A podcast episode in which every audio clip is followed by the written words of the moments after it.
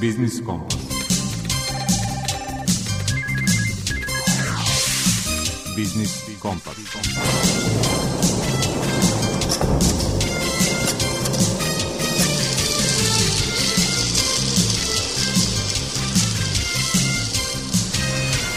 Pred mikrofonom je Đuro Vukilić. Dobar dan poštovani slušalci. Novembar polako odmiče, približava se kraj godine i sa njime vreme da se rezimira učinjeno u ovoj brojnim izazovima opterećenoj godini. U tom smislu rubriku aktuelno rezervisali smo za građevinarstvo. Koliko odoleva krizi čućete u razgovoru sa sekretarkom Udruženja za građevinarstvo u Privrednoj komori Srbije Ivanom Vuletići. Gost autor rubrike iz mog ugla, koordinator u mreži za poslovnu podršku Dragoju Brajić, govori o uticaju inflacije na različite sektore privrede. O uslovima programa ranog razvoja Fonda za inovacijnu delatnost u rubrici Svet preduzetništva govori rukovodilac projekata u regionalnoj razvojnoj agenciji Bačka Marija Prokupić. Tema rubrike Prednet financije i izlaganja naše saradnice iz Narodne banke Srbije Jelene Popović su kamate. Kako u uslovima njihovog gotovo svakodnevnog rasta prepoznati onu najmanje nepovoljnu. Zaštita konkurencije u sektoru dostavnih službi tema je izlaganja pravnog savjetnika u Udruženju za zaštitu potrošača Vojvodine Mladena Alfirovića. Ostanite sa nama i posle kraće muzičke pauze.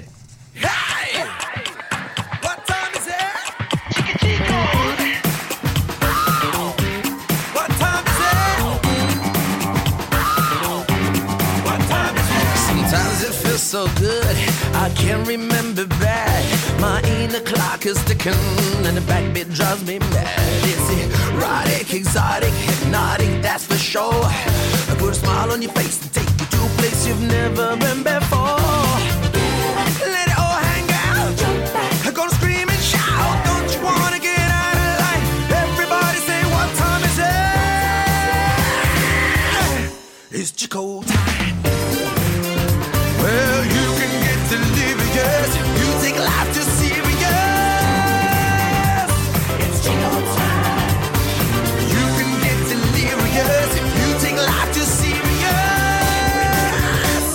It's Chico time. Now get up in the song. You can't do nothing wrong. In front of a mirror, like there's a party going on. If you want it, you got it. Go get it, baby. Can't you see?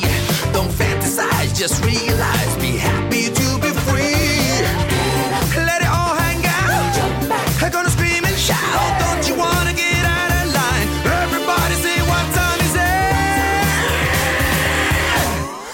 cold time.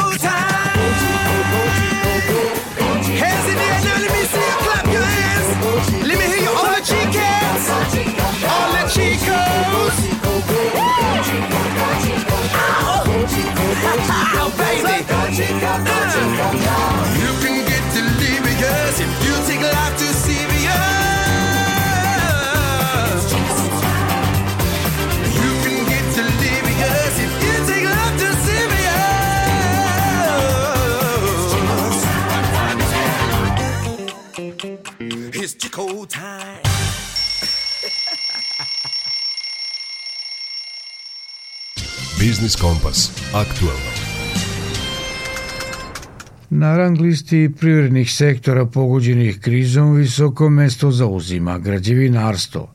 Da li su i koliko poskupljenje građevinskog materijala i energenata, odnosno nedostatak radne snage, uticali na obim građevinskih radova, posebno na realizaciju velikih infrastrukturnih projekata.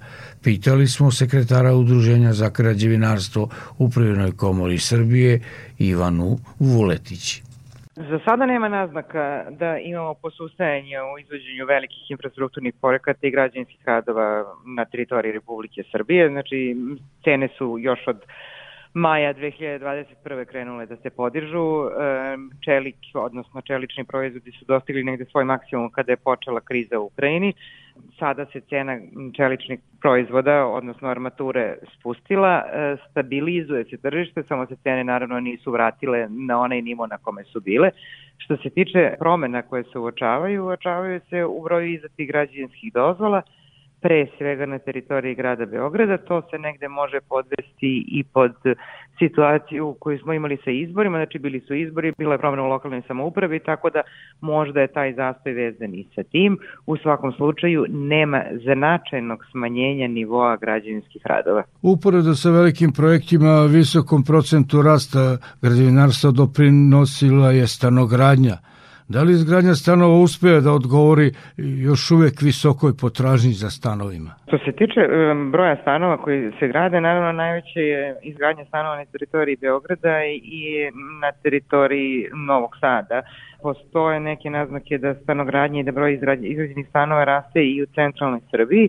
Što se tiče cena kvadrata, ja, tu, ja tu uvek kažem da tržište određuje cenu, tako da još uvek je potražnja visoka, čim je i cena još uvek visoka.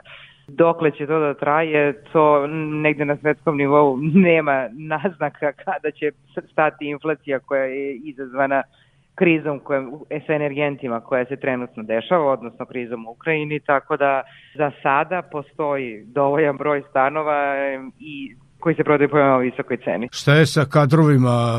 Mnogo se govorilo i o nedostatku kvalifikovanih i uopšte kadrova na domaćem tržištu i o uvozu čak iz dalekih azijskih zemalja. Jeste konstantan je nedostatak kadrova u građevinskoj industriji i konstantno nemamo dovoljan broj radnika.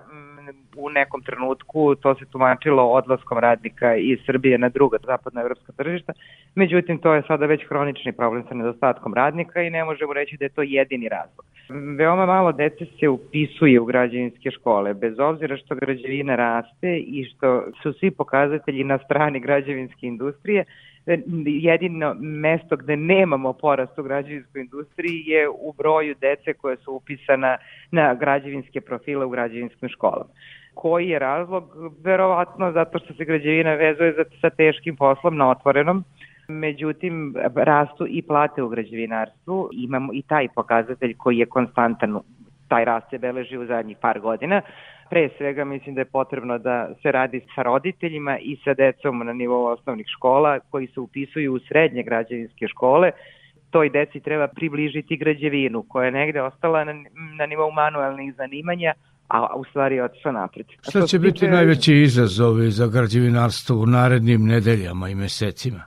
Pa u narednim nedeljama, znači odoleti krizi koja se dešava na svetskim berzama, na svetskom nivou, što se tiče povećanja cena građevinskog materijala.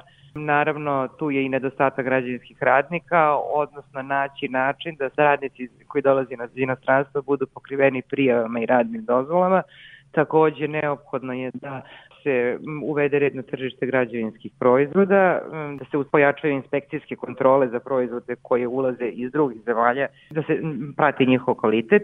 Naravno, ono što kompanije ističu, mi smo nedavno imali novi ministar građevinarstva, gospodin Goran Vesić je prvi sastanak sa građevinskim kompanijama održao u prostorijama Privredne komore Srbije. Imali smo više od 40 velikih kompanija koji izvode radove u svim sferama građevinarstva, u svim oblastima građevinske industrije, uključujući i deo industrije građevinskih proizvoda. Ono što su same kompanije istakle je da se poboljša položaj domaćih kompanija na tržištu, odnosno njihovo učešće u izveđenju velikih infrastrukturnih i ostalih građevinskih projekata. Naravno, dalje rad na poboljšanju procedura u ceo za izdavanje građevinskih dozvola, Naravno, radna snaga o kojoj smo pričali, e, uvek su tu tehnički propisi, norme, zakoni, pravilnici. Uvek možete da poboljšate koliko god je nešto dobro, uvek može da bude još malo bolje.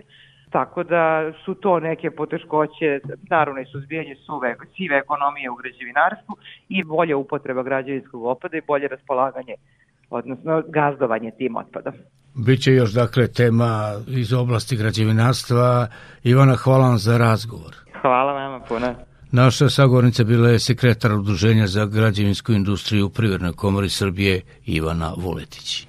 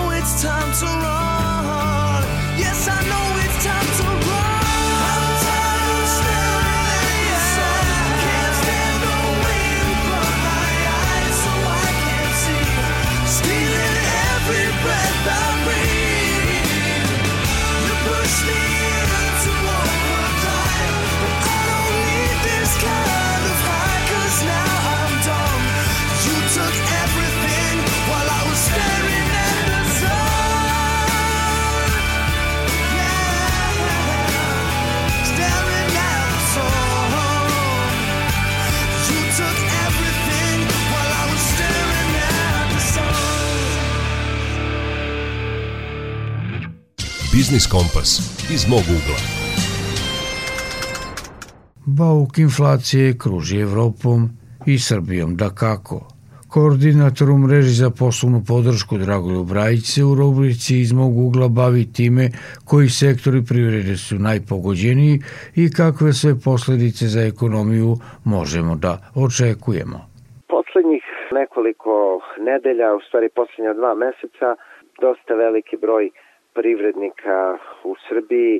U različitim privrednim granama se žalio da inflatorni pritisci, to jest narastajuća inflacija predstavlja značajan izazov u poslovanju iz prostog razloga što su sirovine, repromaterijal, svi oni inputi koje koriste firme u određenim privrednim granama skočili od početka godine u rasponu od nekih 20 pa u nekim slučajevima i do 45 i to se značajno odrazilo na stabilnost poslovanja firmi.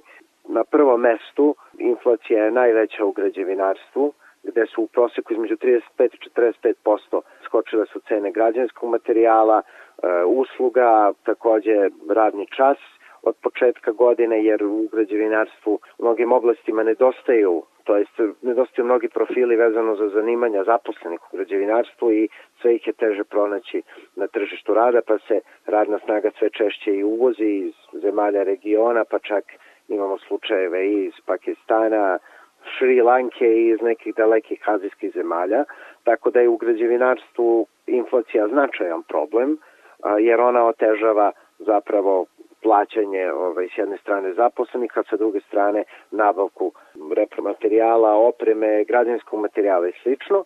Ono što je takođe primetno da su takođe inputi, ovaj, to je ulazna cena sirovina, e, i različitih sredstava koje su neophodne za proizvodnju takođe skočili u poljoprivredi.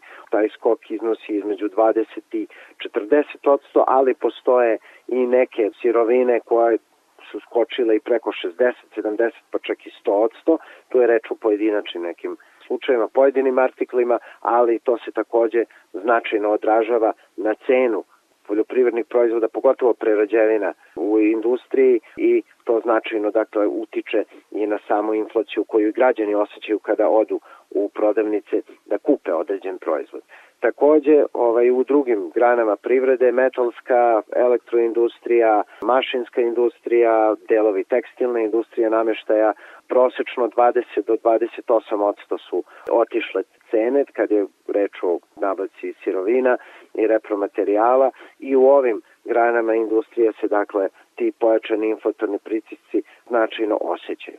Ono što trenutno pored toga jako zabrinjava privrednike jeste kako će se dalje kretati cene struje, gasa za privredu, jer jednostavno sa ovim inflatornim pritiscima koji već postoje na ovaj cene sirovine i repromaterijala svako dodatno povećanje cena energije će ih naterati da oni još dodatno povećaju cene svojih proizvoda koje plasiraju, dakle gotovih proizvoda, a onda će se pojaviti problem što će se naravno mnogi od tih proizvoda otežano plasirati na tržištu i na domaćem i na inostranom tržištu, jer jednostavno će se te povećane cene odraziti na dalje smanjenje konkurentnosti naše privrede u inostranstvu, ali pre svega i na domaćem tržištu, jer znamo da je kupovna moć građana mala.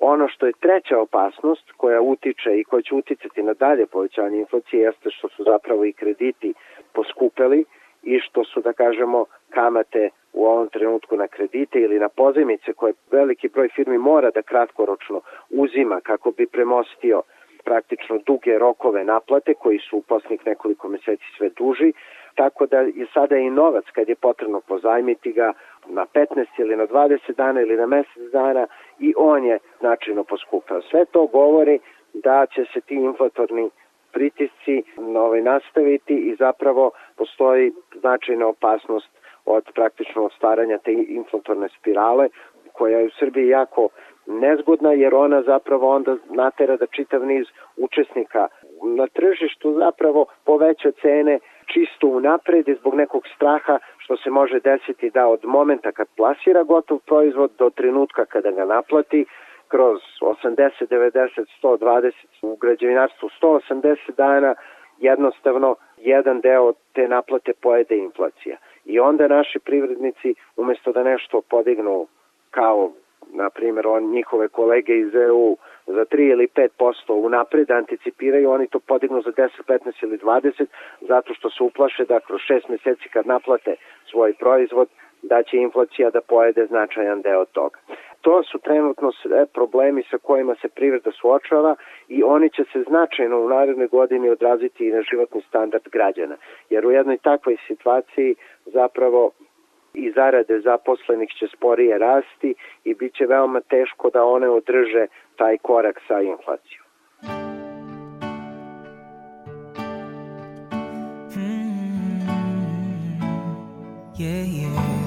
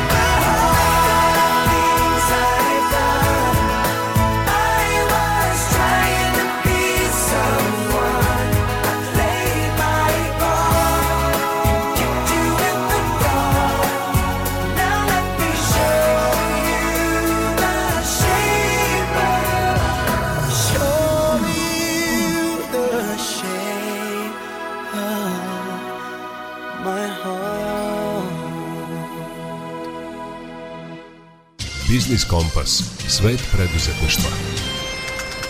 Program ranog razvoja naziv je konkursa kroz koji Fond za inovacione delatnosti postiče transformaciju inovativnih ideja preduzetnika u održive projekte.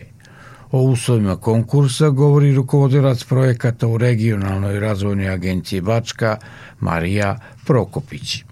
Program je inače osmišljen sa namerom da podrži opstanak preduzeća tokom kritične faze istraživanja i razvoja i da omogući razvijanje poslovnih kapaciteta pomoću kojih će svoje inovacije plasirati na tržištu. Što se tiče iznosa finansiranja, do 70% ukupnog odobrenog budžeta projekta a, obezbeđuje fond, znači do 80.000 evra, a najmanje 30% odobrenog budžeta projekta treba da obezbedi podnosilac prijave iz drugih privatnih izvora koji su nezavisni od fonda. Što se tiče uslova za konkurisanje, znači ko može da konkuriše, to je mikro ili malo privredno društvo koje je u većinskom privatnom vlasništvu, 51% ili više, znači većinsko vlasništvo rezidenta Republike Srbije, koje je osnovano u Srbiji i koje nije starije od 5 godina od trenutka podnošenja prijave, a s druge strane može da osnuje i, tim koji se sastoji od najviše pet članova, znači pet osoba, a sama uloga i obaveze članova tima će biti jasno obrazložene u prijavi. U slučajima gde je prijava podnata od strane tima, znači koji još uvek nije formalno i legalno uspostavljena kompanija, primanjivaće se sledeće pravila. Ukoliko je finansiranje odobreno, podnosioci prijave će biti u obavezi da osnuju kompaniju koja će biti korisnik granta i pravno odgovorna za sprovođenje projekta i te novo osnovane kompanije takođe moraju da zadovolje uslove kao i postojeće, odnosno mora biti najmanje 51% u vlasništvu članova tima koji su podneli prijavu, procenat vlasništva između članova tima je predmet njihovog dogovora i nova osnovana kompanija mora biti najmanje 51% u privatnom vlasništvu i u većinskom srpskom vlasništvu. Inače, što se tiče oblasti sektora koji se podržavaju, projekat može generalno biti iz bilo koje oblasti nauke i tehnologije i bilo kog industrijskog sektora, znači tu nema nekih ograničenja, a samo vreme realizacije projekta mora biti do 12 meseci. Inače, što se tiče dokumentacije koja se podnosi prilikom apliciranja, jeste poslovni plan, budžet projekta, prezentacija projekta, zatim upitnik o proceni uticaja na životnu sredinu, biografije glavnog osoblja angažovanog na projektu i finansijski izveštaj za poslednju godinu, ukoliko se radi o aplikantu koji je već postojeća firma. Ono što je bitno, detaljnije o ovom programu ranog razvoja, kao i template i sve dokumentacije koje je potrebno dostaviti, mogu se naći na sajtu Fonda za inovacijonu delatnost i prijava se podnosi elektronski putem, odnosno putem fondovnog internet portala na engleskom jeziku.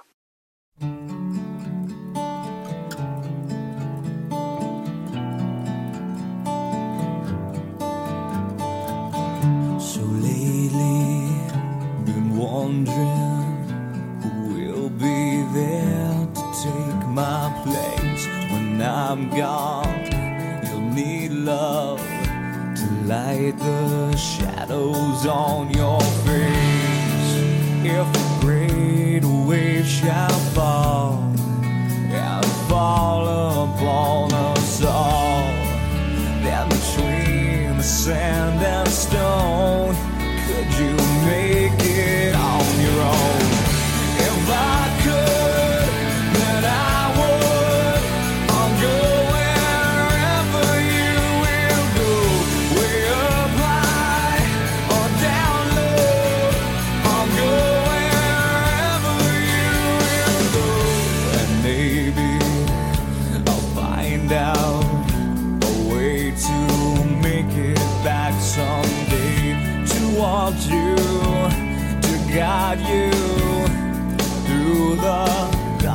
darkest of your days.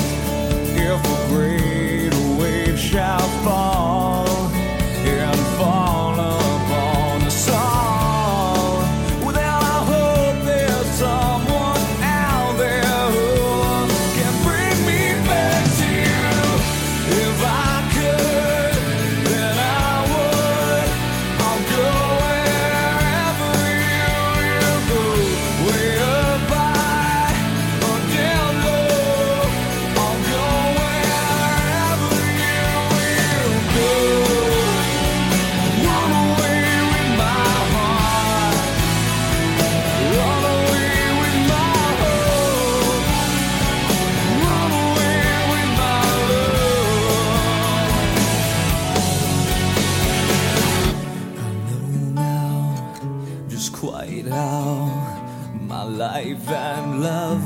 still go on in your heart. in your mind. I'll stay with you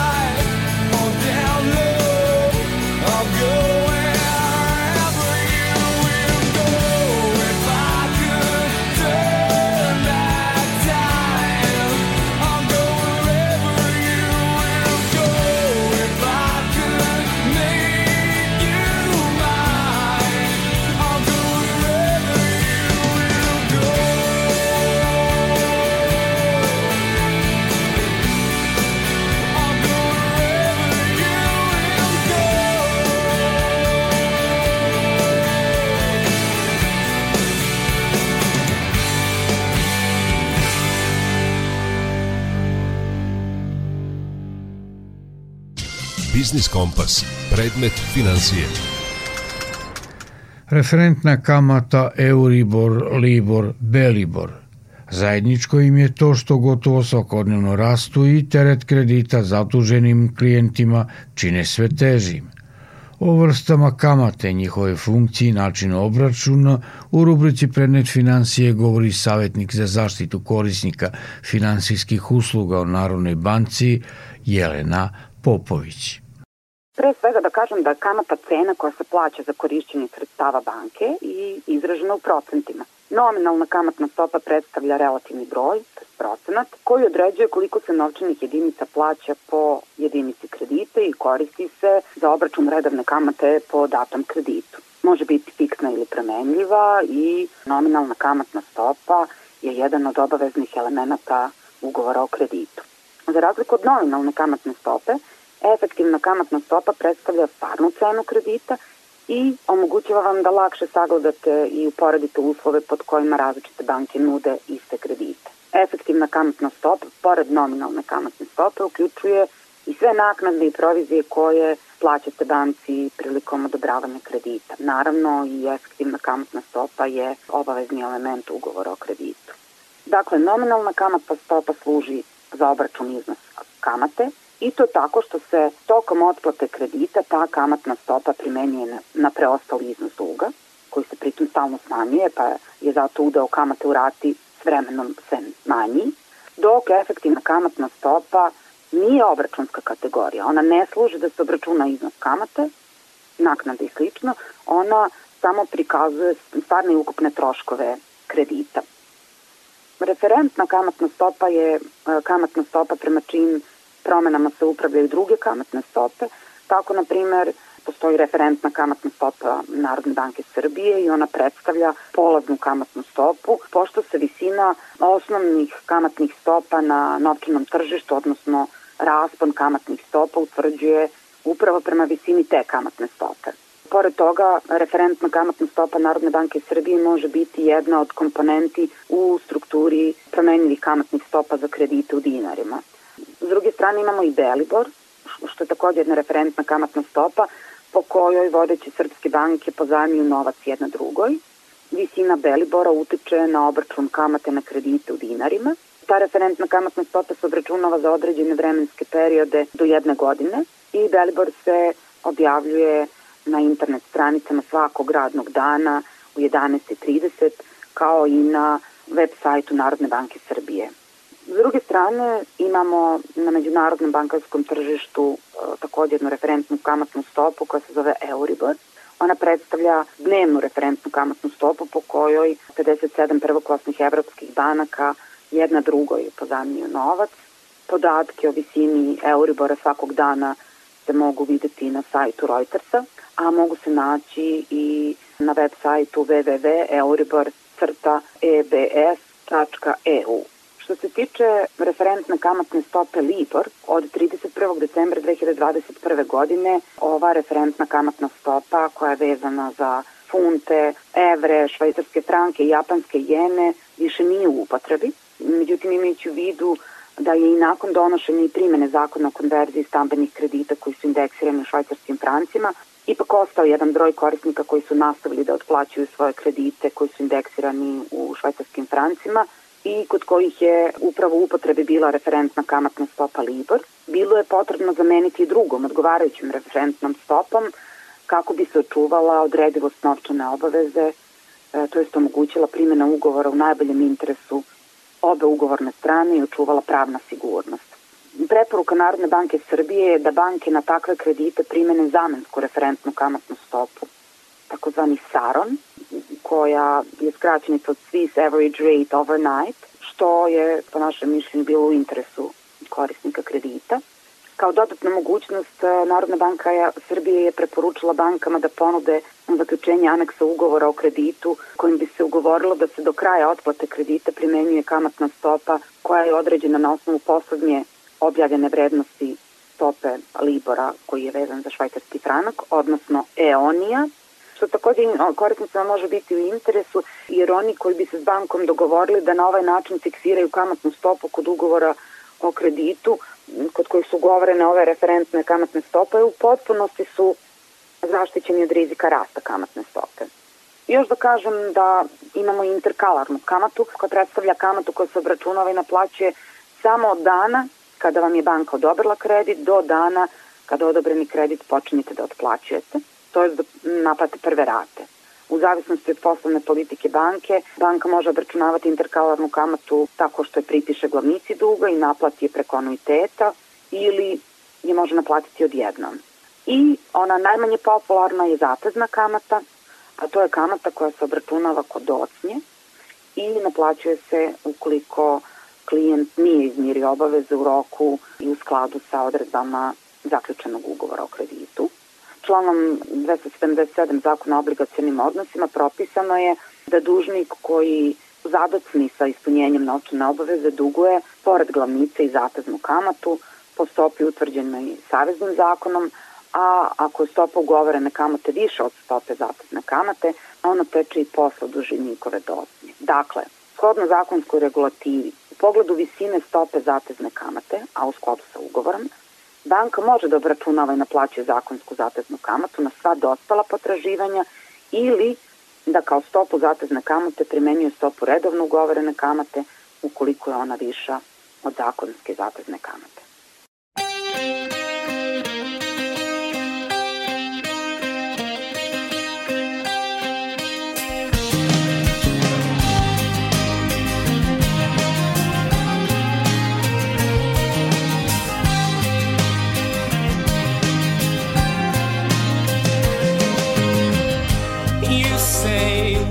You want to say.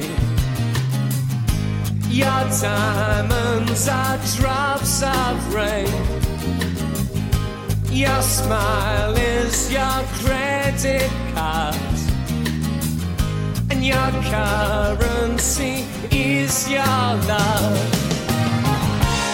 And the morning is for you. and the is free. And the birds sing for you, and your positivity.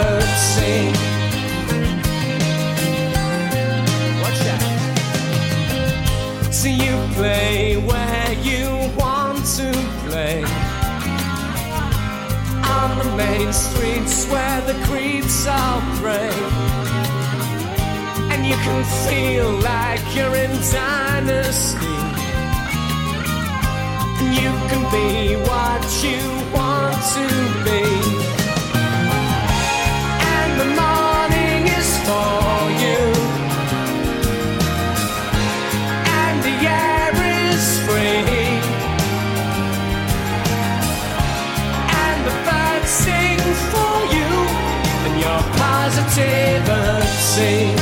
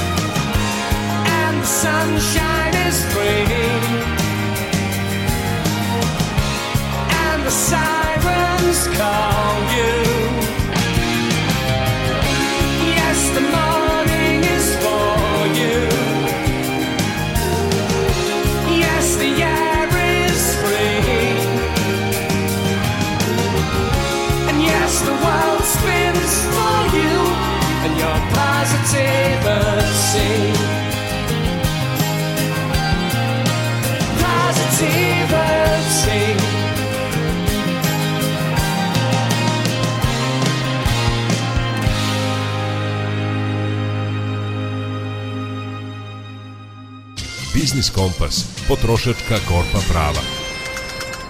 Komisija za zaštitu konkurencije je ovih dana pokrenula postupak protiv kompanije Glovo zbog sumnje na tržišnu zloupotrebu.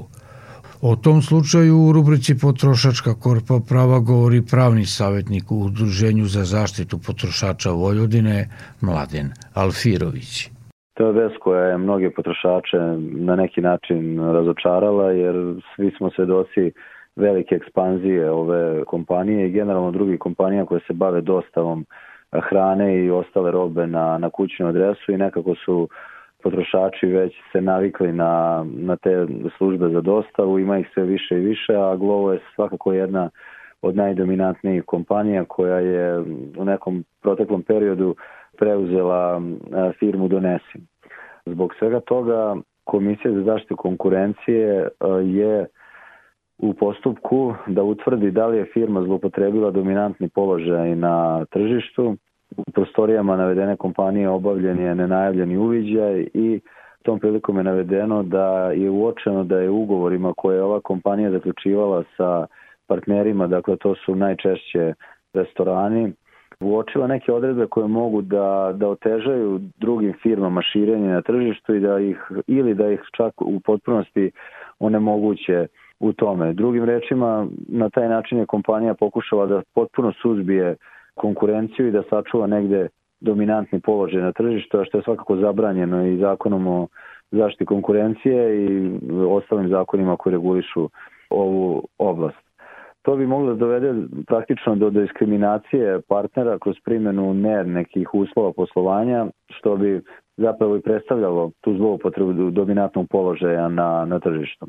Komisija je do ovih sumnji došla tako što je sprovela jednu analizu uslova konkurencije u oblasti generalno poslovanja tih online i digitalnih platformi za posredovanje u prodaje i isporuci pretežno restoranske hrane i ostalih vrsta proizvoda i uočila da su neki ugovori i opšti uslovi poslovanja sadržali propisanu naknadu koju je partner, odnosno restoran bio dužan da plati ako stupi u slično partnerstvo sa drugom platformom. Dakle, nudili su se visoki iznosi u vidu ulaganja za marketing, čak i uz obavezu vraćanja određenog iznosa ukoliko se uspostavi saradnja sa nekom drugom firmom. Inače, ova firma Glovo je posle preuzimanja platforme Donesi 2021. kao što sam rekao, značajno proširila e, mrežu poslovanja i drastično povećala svoj tržišni udeo i na taj način je stekla dominantan položaj i potpuno promenila strukturu tržišta kad je u pitanju ova vrsta usluga. I u tom zaključku komisije se upravo navodi da, da pozicija Glova ima posebnu odgovornost prema potrošačima, a u vezi sa radnjama koje preuzima na tržištu i takođe uputila je poziv svim licima koji raspolažu podacima i ispravama da se doprinese utvrđivanju činjeničnog stanja. E sad u tom smislu mi smo kao udruženje za zaštitu potrošača Vojvodine evidentirali veći broj prigovora potrošača koji se tiču generalno firmama i platformama za, za dostavu hrane, a naravno da je najveći broj prigovora bio upravo na, na kompaniju Glovo, što je negdje logično očekivati s obzirom na njen veliki dominantan položaj na, na tržištu. E, takođe, i sama kompanija je potvrdila da im se obratila komisija za zaštitu konkurencije, ali oni tvrde da da je njihovo poslovanje usaglašeno sa svim važećim propisima i tvrde da nigde ne krše ni jedan zakon i da sarađuju sa nadležnim organima. Takođe, ostaje da se vidi kako će se ovaj postupak u budućnosti okončati.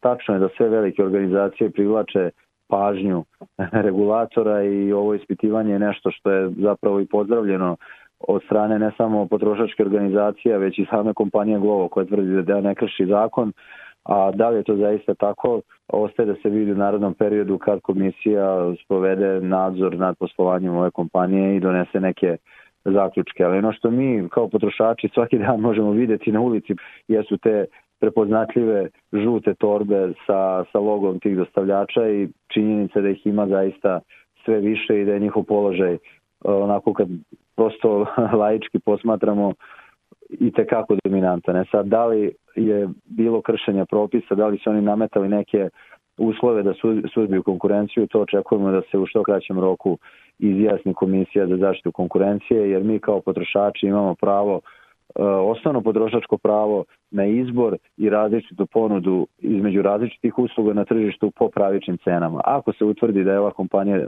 diktirala cene i uslove i suzbijala konkurenciju, to zaista mora najstrožije da bude kažnjeno kako bi se omogućilo i ostalim kompanijama koje posluju na tržištu da se izbore za svoje kupce i da se dokažu u smislu i cene i kvaliteta.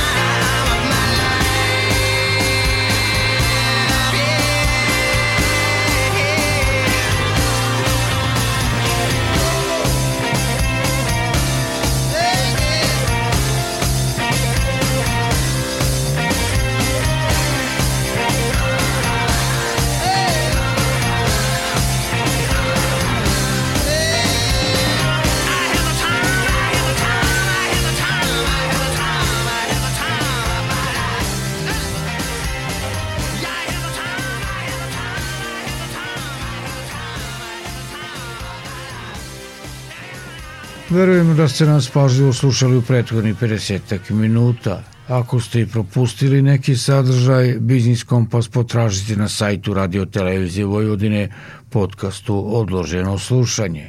Ugodan nastavak posle podneva uz Radio Novi Sad žele vam muzički urednik Zoran Gajinov, ton majstor Marica Jungi i urednik emisije Đuro Vukelić. Zdravi bili i čuvajte se.